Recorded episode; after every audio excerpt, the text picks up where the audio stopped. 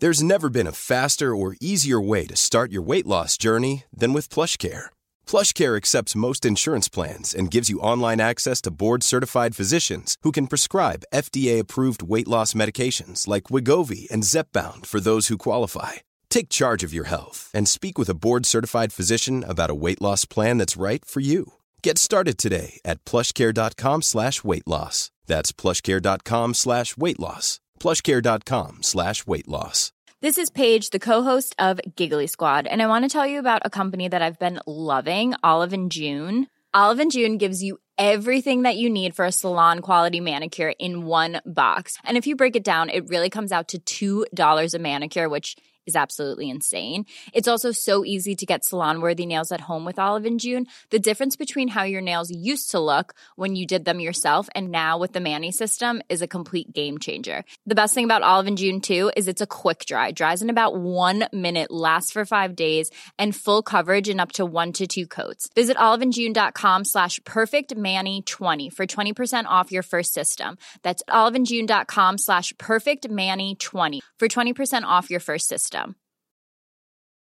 There's never been a faster or easier way to start your weight loss journey than with PlushCare. PlushCare accepts most insurance plans and gives you online access to board-certified physicians who can prescribe FDA-approved weight loss medications like Wigovi and Zepbound for those who qualify.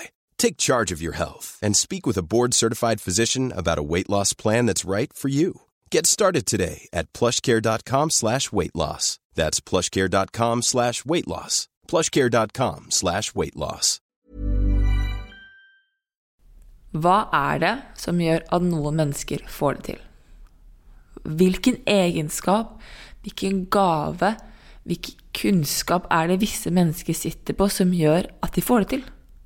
At de klarer å nå resultatene de har satt seg, eller drømmen de har gått og båret. Hva er det de har til felles? For det er faktisk flere ting. Da Belinda og jeg satt og skulle skrive boken Bedre på livet som nå er ute, så var arbeidstittelen på den boken for deg som lurer på hvordan andre får det til. Og jeg elsket den. Absolutt elsket den fordi jeg tenkte ja, her! Dette er det jeg trenger. Jeg skulle ønske at jeg hadde en manual. eller et skjema, en checklist, veldig gjerne, da jeg begynte. Um, som skulle hjelpe meg til å forstå hva jeg kunne gjøre, slik at jeg også kunne få det til. Det er det vi kan snakke om i dagens episode. Hva er det som gjør at andre mennesker får det til, og hvordan kan du gjøre det samme? Velkommen til dagens episode av Becoming.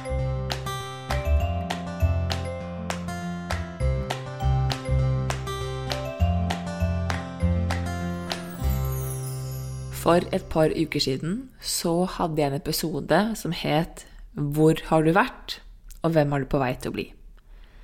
Dette var en episode som tok for seg en slags recap av 2022 på hva du hadde fått til, og hva som måtte endres for at du skulle klare å bli den personen du drømmer om å bli i 2023. Hvilke justeringer på veien så du da at du hadde behov for? Nå har vi kommet et par uker inn i 2023. Når den podkasten her slippes Ja, det er et par dager, og så bikker vi 21 dager inn i januar. Som gjør at du er på vei til å møte den grensen, altså den gylne grensen av 21-dagersregelen. Har du lyst? Skal du lære hjernen din? Skal du akseptere en tanke som sann, så må du repetere tanken hver dag i 21 dager før hjernen din kan begynne å tro på deg. Wapen Shama har et fantastisk system satt opp på 66 dager, hvor han deler det opp slik at vanen eller tanken eller det på en måte egenskapen du ønsker å utvikle, virkelig får satt seg. Så vi nærmer oss dermed 21-dagersregelen, eller 21-dagers milepælen, kan du vel kalle det. Som betyr at noen mennesker her har fadderlasset. Jeg vet ikke om jeg snakker til deg nå, om du hører bare om du kjenner noen som har gjort det. Men startet du på en endring eller et ønske om å endre deg 1. januar, så er det noen nå som syns at det er vanskelig. Vanskelig kan det være uansett. Og det er derfor jeg har lyst til å ha denne episoden her. Nemlig hva er det vi nå kan gjøre for å hjelpe oss selv til å fortsette? Hvordan kan vi hjelpe oss selv til å, til å ikke trosse, men til å krysse 21 dagers milepælen og fortsette på neste, eller til neste, som eh, rask regnestykke her nå blir 42. Robin Sharma skriver i boken sin, han skriver helt sikkert flere, men veldig i morgenklubben eller 5 AM Club, så skriver han at det er mellom 21 til 22 dager er som første epoke, og så kommer epoke nummer to, som er um, 22 ja, dager til. Så la oss si et eller annet sted mellom 42 til 46 dager, da. Så hvordan kan du hjelpe deg selv inn her? Hvordan kan du hjelpe deg selv gjennom det som er turbulent og vanskelig? Og her har jeg egentlig kjent lenge på og tenkt på min egen del at hva er det som gjør at noen mennesker kommer igjennom dette, liksom, det som kan føles som et nåløye, og andre ikke? Og svaret jeg sitter igjen med, er det at noen mennesker A er villige til å gå gjennom ubehaget, og det er greit nok, men de tør å velge seg selv. De tør å investere tid, energi og penger i seg selv. Koste hva det koste vil. De har en dedikasjon til seg selv. Og jeg har sagt i tidligere episode at jeg har igjen blitt superinspirert av idrettsutøvere, og denne var en litt sånn fase hvor Michael Jordan og Kobe Bryant, to store basketballstjerner i USA, inspirerer meg med deres tankesett. Altså, jeg skjønner ikke bæret av basketball. Jeg er født og oppvokst med mm, fotball og bandy. Jeg er sykt god på corner, frispark og offside. Der er jeg god. Å, oh, innkast, folkens! Innkast! Det kan jeg. Men um, noe mer enn det, noe foul eller trepenger eller noe der er jeg helt blank. Men det jeg liker med gutta, som jeg måtte bli inspirert av, er dedikasjonen deres. Begge disse to, både Michael Jordan og Kobe Bryant, er kjent for å være ekstremt dedikert til sin Altså, de kaller det for craft, men til det jobben de gjør, til den personen og det de velger å bruke tid på, til rett og slett yrket sitt, som er basketball. De trente mest. De gjorde mest. De øvde mest. Hvorfor det? Jo, fordi de ønsket å bli best. Og jeg hørte hørt et intervju hvor Kobe Jeg sier at Kobe var ikke så veldig snill med sine lagkamerater. Akkurat det kan jeg se for deg, eller se for meg. Og så hadde han, treneren hans hadde spurt ham hvorfor er du ikke det, og så sier Kobi fordi at det er ingenting som provoserer han mer enn gutter som har talent og har evnen til å få det til, som kommer inn ti minutter før trening, og som går når trening er ferdig uten noe mer. Mens her er han og legger inn ekstra økt før treningsøkten ekstra økt etterpå. Fordi han ønsker å bli best. Så her kommer gutta inn, og det virker som de ikke bryr seg. Og den mentaliteten der kan jeg kjenne igjen. Jeg kan kjenne igjen den tanken om at jeg legger mye tid og energi inn i meg selv fordi jeg ønsker å bli den beste versjonen av meg selv. Og jeg ser folk som har enorm kapasitet, enormt potensial, både i mennesker rundt meg, men også i bl.a. klienter jeg møter, hvor jeg tenker at wow! Hvis du bare hadde sett det jeg ser, så hadde du turt å bruke tid og energi på deg selv, så hadde du blitt helt starstruck over hva du kan få til. Og hva som faktisk er mulig for deg. Fordi mulighetene de ser vi ikke hvis ikke vi tror, hvis ikke vi kjenner på at vi har et potensial. Jeg har egentlig en som er, er en av de fantastisk sånn, Jeg får være med på en fantastisk transformasjon med den personen her. Fordi personen kom eh, til meg og satt egentlig veldig fast i fortiden og ting som hadde skjedd.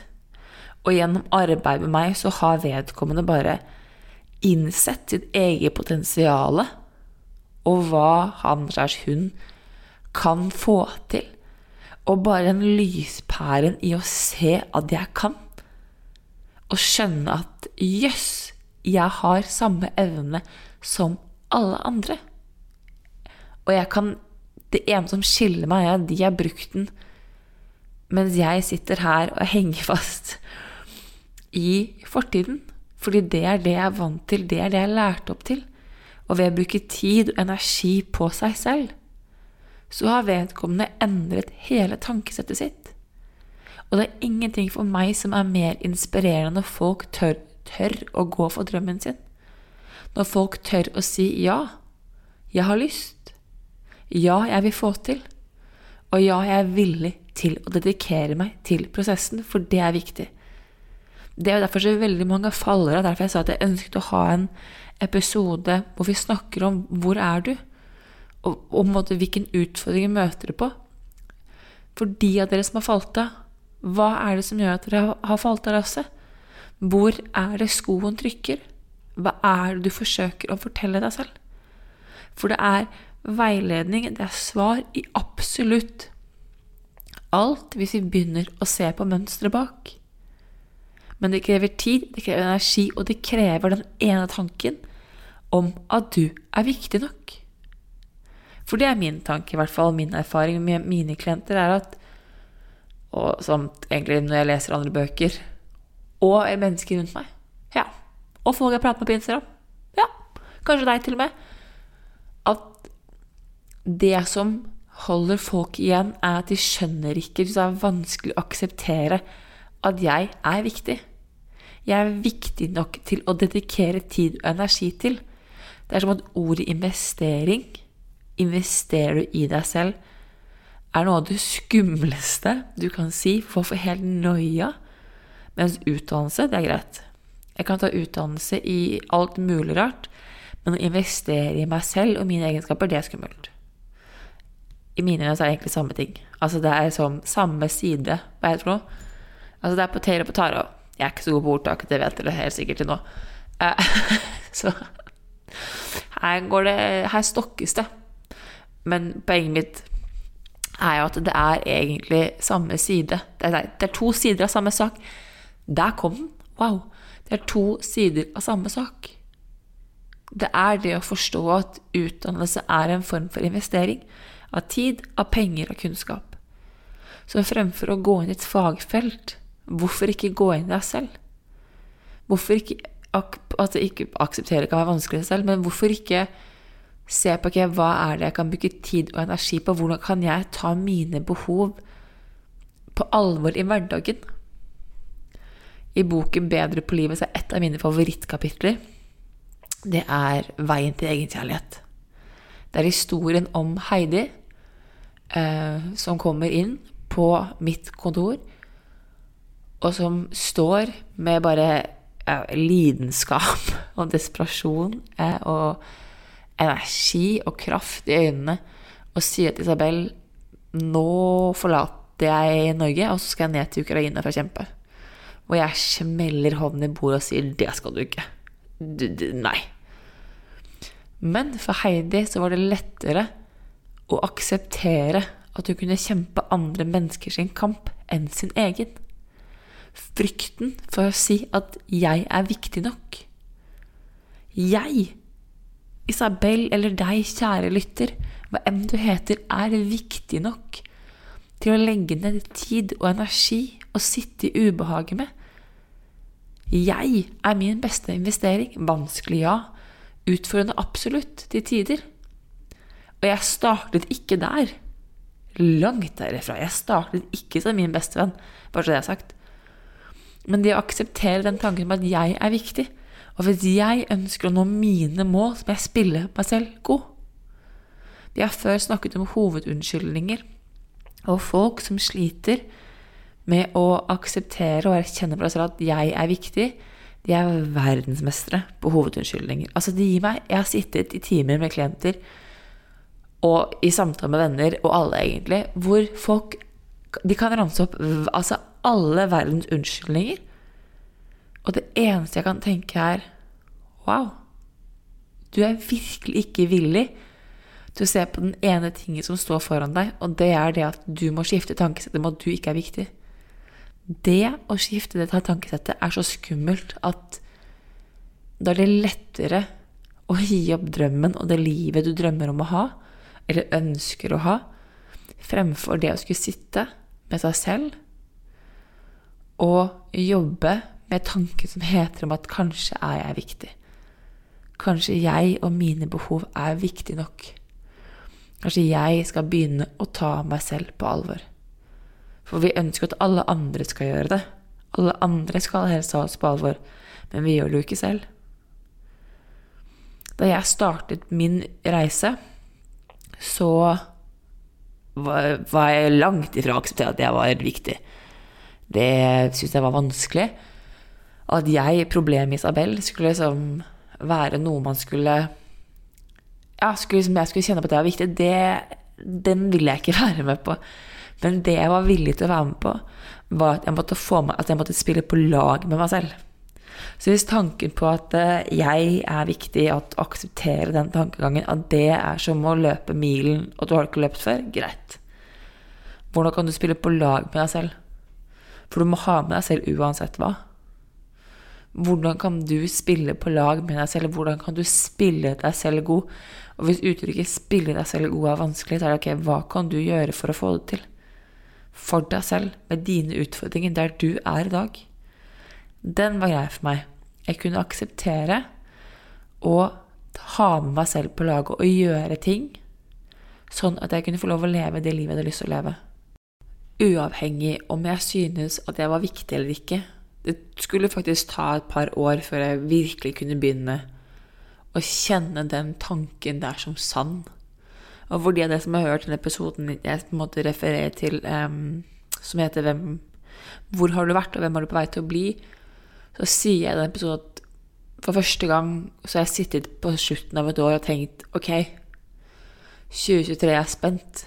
Jeg er sinnssykt spent på hva som vil skje, fordi jeg kjenner på at jeg er i vekst, og det er veldig, veldig gøy. Jeg kjenner på at jeg har funnet min rytme. Det har tatt meg tid. Det har tatt meg dedikasjon, det har tatt meg trening og repetisjon, repetisjon, repetisjon. Altså, du må trene og trene og trene og trene for å på en måte komme dit. Så da jeg startet, så startet jeg bare med tanken om at ok, men hvordan kan jeg spille på lag med meg selv? Hvordan kan jeg gjøre meg selv best mulig? Det var som om jeg på en måte var min egen trener, min egen coach. Ok, hvordan kan jeg hjelpe Isabel her? Isabel er som en klient av meg, sitter på andre siden av bordet. Hvordan kan jeg hjelpe til å få det best mulig? Det har ikke vært enkelt. Og um, det har krevd mye av meg fortsatt å skulle spille hun god.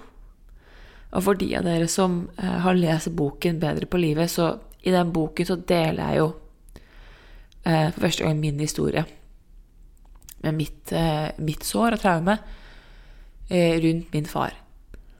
Og det skulle ta meg lang tid før jeg skjønte at hvis jeg ønsket en endring i mitt liv, hvis jeg skulle bli det mennesket jeg hadde lyst til å leve, det, altså mennesket å være, det å leve det livet jeg alltid hadde drømt om å leve, altså få lov å leve det ekstraordinære livet som Vishen Lakhiani bare traff så sykt hos meg, så måtte jeg jobbe med farsrelasjonen min. Jeg måtte jobbe med forholdet mitt til far. Og jeg måtte tørre å ta ansvar for det jeg selv følte. Det skjønte jeg. Jeg, jeg trodde fortsatt ikke her at jeg var viktig nok til å kjempes for. Men jeg skjønte at jeg var viktig nok Det i seg selv var viktig nok til å ta tak i. Skulle jeg spille meg selv god? Og igjen tilbake til tanken på okay, hvordan kan du kjenne på, hvordan kan du hjelpe deg selv til å spille deg selv god? Hva kan du gjøre? Hvis du ønsker å ha et annet liv enn det du lever i dag, hvis du ønsker at 2023 skal være bedre enn 2022, så må du mest sannsynligvis gjøre en endring. Og da må du også tørre å stå og tåle, ikke minst å tåle, at det er ubehagelig. For det kommer til å bli det. Jeg kan garantere deg det. Det er ikke spørsmål om det skjer, det er spørsmål om når. Og da er det så viktig å enten ha tanken som heter at jeg er viktig nok til å stå i det ubehaget her med meg selv, eller jeg ønsker å spille meg selv god nok så jeg er villig til å sitte igjennom. Jeg er villig til å ri. Og det er her hvor det er så veldig mange som detter av lasset. Det er her hvor så veldig mange mennesker kjenner på at det ubehaget blir for stort. Det er for vanskelig å akseptere at jeg er viktig, at jeg må sitte i det ubehaget her med meg selv, at jeg faktisk er villig til å gi opp drømmen min. Jeg er villig til å leve et middelmådig liv og kjenne på at jeg har en drøm. Jeg kunne. Jeg kunne starte bedrift.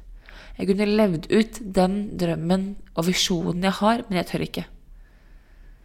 Og det å si at jeg tør ikke, det er enormt skamfullt. Så vi sier ikke det, vi kommer med en haug med andre unnskyldninger. Jeg gikk ikke, var ikke min feil. Ting gikk ikke som, gikk ikke som planlagt, jeg fikk det ikke til. Jeg kan ikke. Jeg får det ikke. Ja, jeg kan det ikke. Jeg er ikke god nok. Eh, jeg har ikke tid. Klassisk. Eller den klassiske 'jeg har ikke penger nok'. Og det fantastiske for meg er det at jeg får lov til å bli kjent med flere av dere lyttere um, gjennom arbeidet mitt med klienter. Og jeg har sett mennesker stå i økonomiske, trange situasjoner og likevel tørre å prioritere seg selv. Og de menneskene der, fy fader, de inspirerer meg hver gang. For de har skjønt den tingen som heter at ok, jeg kan bruke det jeg har. Og jeg er villig til å gjøre jobben. Jeg er villig til å legge ned jobben i meg selv for å få det til. Jeg er villig til å måtte ofre den kaffelatten, den sjokoladen eller den kinokvelden eller turen på byen fordi jeg har lyst til å bli en bedre versjon av meg selv. Du må ha den indre drivkraften, du må ha den indre dedikasjonen til deg selv. Og jeg hvis jeg skulle sagt liksom at en, det, der, det å dedikere tid for meg er en form for egenkjærlighet. Den dedikasjonen, den repetisjonen jeg gjør daglig i mine rutiner, er en form for egenkjærlighet. Jeg får ikke det sykeste ha-opplevelsen hver eneste gang. Det gjør jeg ikke. Men jeg vet at dette er en måte for meg å ha en kontakt og dialog med meg selv, sånn at jeg kan få skape det livet jeg drømmer om å skape. Og leve det livet jeg vet at jeg kan leve. For jeg har kommet dit jeg kjenner på at det er mulig. Jeg ser at det er mulig. Jeg vet ikke når, jeg vet ikke hvordan, men jeg ser at hvis jeg fortsetter ikke bare gjøre jobben utad, men også gjøre jobben inni meg selv, så vil jeg finne noen ressurser og egenskaper jeg ikke visste jeg hadde. Og jeg ser det med meg, jeg ser det med folk rundt meg, og jeg ser det i dere, kjære lyttere. Og det er det da å skulle ha nok tro på seg selv. Uten å skulle kjenne på at jeg blir overlegen eller kakk eller egoistisk eller noe av disse tingene som veldig ofte hamrer ned i hodet. Og hvis du kjenner på at du er egoistisk, ok, greit. Det er da kanskje en tanke du må kjenne litt mer på. Men hva er viktigst? Andre menneskers behov eller dine egne? For hvor mange mennesker står der ikke ute og skylder på alle andre? For hvor mange mennesker står der ikke ute og skylder på alle andre?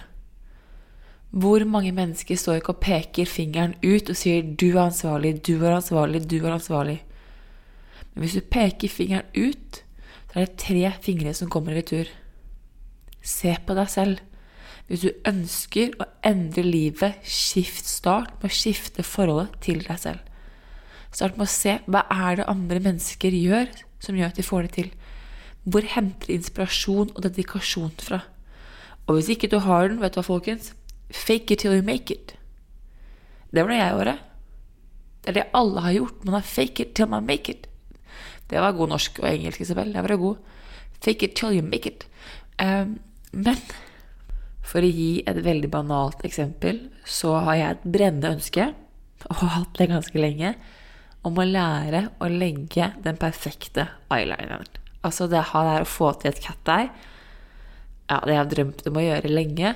Um, og jeg har sett liksom de fineste eyelinere legges på YouTube og vært sånn wow! Det der vil jeg at skal være meg. Og så var jeg innom Kagge i forbindelse med boklansering, og så fikk jeg med meg Thomas Erdis sin sminkebok hjem. For jeg tenkte her har du en, måte, en bok som kan hjelpe deg å forklare. Og så la jeg ut en post eh, på Instagram hvor jeg tagget Thomas, og så svarte han at jeg hjelper deg. Du trener, send meg bilde, og så skal jeg veilede deg på å legge den perfekte eyeliner. Du har nå liksom mitt prosjekt i 2023. Og jeg tenkte oh my lord, jeg har en mullen mulighet. Jeg har en mullen Mullen Jeg har en gyllen mulighet. Jeg kan nå få hjelp av Thomas, som er en makeup, altså kjent makeupartist og ekspert i Norge. Legger makeup på flere av liksom de store kjendisene i Norge. Til å hjelpe meg å lære å legge den riktig på meg. Altså, jeg har tidenes mulighet. Jeg har drømt om det her, så banalt som det er, i flere år. Og nå er tiden inne. Og da er spørsmålet Er du villig til å øve, Isabel? Er du villig til å stå der og prøve å legge den lineren og kjenne på at du feiler, og sende bilder til Sende bilder på Instagram og tenke 'fy fader, jeg ser sykt seriøs ut', der jeg som står med bare Ikke smil, ingenting, for jeg skal, skal få se ansiktet og hvordan det treffer eh, med eyeliner og vingen og alt dette her. Og få feedback og prøve igjen. Jo, jeg er villig til å gjøre det, for jeg har lyst til å få det til.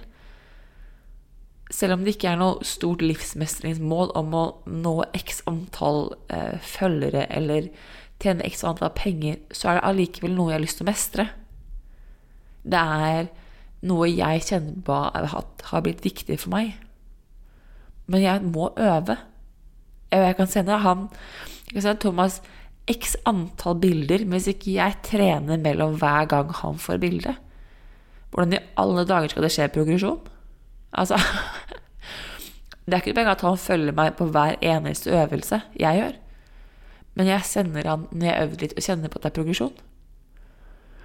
Og dette igjen for meg er en, en påminnelse om at hvis du kan klare å repetere, altså viktigheten av dedikasjon og repetisjon, er den kombinasjonen sammen er uslåelig. Den vil ta deg gjennom den første puljen på 21 dager eller 22 dager. På andre puljen hvor du måtte bikker ja, La oss si 22, da, for sånn, runde opp. Hvor du bikker 44 dager før du bikker 66, og rutinen eller målet du satte deg hvis du starter 1. januar, da er satt. Hvor det eneste du trenger for å vedlikeholde, er å repetere. Og nå er det ikke vanskelig, for nå sitter du under huden din, så nå er det blitt en del av hverdagen din. Eller hvis du har lyst til å starte i dag, ok, start i dag, da. I en episode jeg hadde med Irina Li, så sa hun at det faktisk er bevist at du har større sannsynlighet for å lykkes hvis du starter på en tirsdag, enn hvis du starter på mandag. Fordi at man tror at man trenger liksom en ny start skal skje på mandag eller første. Eh, men du kan faktisk starte i dag hvis du har lyst til det. Det er helt opp til deg. Poenget er bare det at eh, har du lyst til å starte med nye ting i dag, tør å starte. Men kjempeviktig hold deg til én ting. Ikke gå for fort ut, ikke gå for hardt ut, ikke gå på den smellen som så veldig mange mennesker gjør, hvor de prøver å gjøre om hele livet sitt på én, to, tre. Tør å bruke tid. Tiden er din venn. Jeg hadde hatet meg selv. Hadde jeg hørt meg selv si det for fem år siden, jeg hadde egentlig sagt sånn, vist fingeren sagt sånn fuck you. Jeg ba om en plan, en fiks løsning, en quick fix-løsning. Jeg ba bare om at du skal si at det bruk tid, sitt i følelsen, vær deg selv. Men eh, det er faktisk eneste løsningen. Og jeg hadde sagt til meg selv til mitt yngre meg, eh, som jeg sier til deg at jeg skjønner at det er kjipt å høre, og jeg vet at du skal gjennom mye for å komme hit jeg er i dag, men jeg kan fortelle deg at jo mer du gjør det, jo bedre blir du. For det er det. Jeg har vært Det er to ting jeg er god på. Det er to ting jeg skjønte tidlig. Det ene var at jeg måtte ha 100% ansvar for mine egne følelser. I ethvert endringsarbeid så må jeg ta ansvar for mine følelser og mine reaksjoner. Hvis jeg kjenner på et ubehag, hvis jeg kjenner på at jeg får en reaksjon i møte med andre mennesker, så er det mitt ansvar å jobbe med det, ikke alle andre sitt. Hva alle andre sier, hva alle andre gjør, har ikke så veldig mye å si. Hva er mitt forhold til meg selv? Altså, hva gjør den følelsen med meg? Hva er historien jeg forteller meg selv? Hva er fakta? Hva er min opplevelse? Det var nummer én. Og nummer to Jeg skjønte at jeg må gjennom ubehaget. Jeg er veldig god, blitt trening gjør mester, altså øvelse gjør mester, til å sitte i eget ubehag. Jeg er veldig god på å kunne klare å gå gjennom. For jeg vet at eneste veien til rom er gjennom. Jeg må sitte i det ubehaget. Skal jeg hente opp det jeg har lyst til å hente opp? Skal jeg forstå? Skal jeg spille meg selv god? Det er da jeg tar meg selv på alvor. Det er da jeg vet at ok, nå er du så dedikert til drømmen din, til visjonen din, til det målet du satte deg 22. Eh, ikke 22, men i 2022. Du er så dedikert at du faktisk er villig til å kjenne på smerte og kjenne på ubehag for å kunne komme dit. Og det i seg selv gir inspirasjon. Det i seg selv å kjenne at jøss, yes, jeg kan få det til. Jeg er faktisk så inspirert og motivert til å kunne tåle å stå i egen prosess. Til å tåle meg selv fullt og helt. Til å tørre å lytte og si ok, det jeg har behov for, folkens, time out. Jeg har behov for en pause. Jeg har behov for å tune inn på meg, og mine behov er riktige. Hvorfor? Jo, fordi jeg tar dem på alvor. Det er det du gir deg selv. Du gir deg muligheten til å få lov til å få gjennomføre drømmen din. Og treningssak 110% Det kreves eh, dedikasjon og repetisjon og viljestyrke. Men jeg vet du kan. Og anger, folkens Anger er en dyr følelse å sitte med når du blir litt eldre. Det å angre på noe du ikke gjorde, den er vond. Det å kjenne på at du ikke får brukt potensialet ditt, at det er noe mer deg, for her er, her er clouet. Du kan sitte her i dag, gi fra, deg, altså gi fra deg alle hovedunnskyldninger du bare vil, og si ok, jeg får det ikke til. Og du kan tro på det. Og du kan legge ballen død, og du kan fortsette å leve livet ja, A4, det livet du lever til nå, og ha det helt greit. Inntil du en dag kjenner den drømmen banke på døren en gang til. Men nå gjør den litt vondere. Litt sterkere, litt mer ubehagelig. For du kjenner på at det er noe som ikke stemmer. Den lykken, den gleden jeg ser andre mennesker rundt meg har, den har jeg ikke selv. Det å se andre mennesker oppnå sin drøm når du ikke tør å gjennomføre din egen, den er vond. Det gjør kjempevondt. Det er, som, det er nesten kan jeg tenke meg, eller kjenne meg inn i selv, at når jeg har gjort det før jeg begynte på egenutvikling, og så folk få lov å få sin drøm oppfylt, og jeg følte at livet bare gikk imot meg Det å se folk få det, få det til, det var som å stikke Altså det var som å knivstikke meg. Det gjorde så forbanna vondt. For så kom tanken Hva er galt med meg? Hvorfor får ikke jeg det til? Og så gikk jeg inn i en klassisk offermentalitet, og så ble den bare rullende rundt. Eh, fordi Men utfordringen var at jeg ønsket ikke å ta meg selv seriøst nok. Jeg ønsket ikke å ta min reise, mitt behov og min drøm på alvor. Og jeg skjønte ikke, for det hadde gått litt tid, at hvis jeg skulle leve den drømmen jeg hadde lyst til å leve, så måtte jeg begynne oppføre meg som hun og gjøre de tingene hun gjør. Og det fikk jeg til gjennom dedikasjon, repetisjon og rutine. Så kjære lytter, gå tilbake til det du satte opp i 2022. Hvem, altså hvor har du vært, og hvem er du på vei til å bli? Se på hvem du er på vei til å bli. Se på de eh, små stegene du var villig til å sette opp i slutten av året. Hvordan har de vært for deg? Vær ærlig med deg selv om deg selv. Hvor er du? Hvordan har det gått? Hva trenger du for å kunne klare å gjennomføre den første 21 dagers milepælen? Og hva trenger du for å komme deg til dag 44? Hva trenger du av deg selv? Hvordan kan du spille på lag med deg selv? For at du faktisk skal få det til. For at du kan bli den beste versjonen og leve livet du alltid har drømt om å leve. Jeg vet at du får det til. Jeg vet at du er viktig. Det eneste jeg trenger, er at du begynner å tro på deg selv. Ha en fantastisk dag, folkens, og så snakkes vi. Ha det! Hi, this is Craig Robinson from Ways to Win, and support for this podcast comes from Invesco QQQ. Invesco QQQ is proud to sponsor this episode and even prouder to provide access to innovation for the last 25 years. Basketball has had innovations over the years, too. We're seeing the game played in new ways every day. Learn more at Invesco.com slash QQQ. Let's rethink possibility. Invesco Distributors, Inc.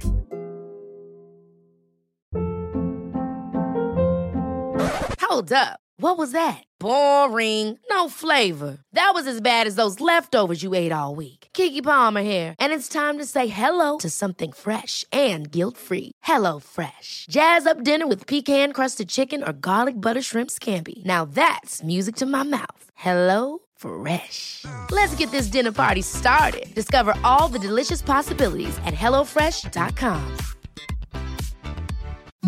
Imagine the softest sheets you've ever felt. Now imagine them getting even softer over time. That's what you'll feel with Bowl and Branch's organic cotton sheets. In a recent customer survey, 96% replied that Bowl and Branch sheets get softer with every wash. Start getting your best night's sleep in these sheets that get softer and softer for years to come. Try their sheets with a 30-night guarantee. Plus, get 15% off your first order at bowlandbranch.com. Code BUTTERY. Exclusions apply. See site for details.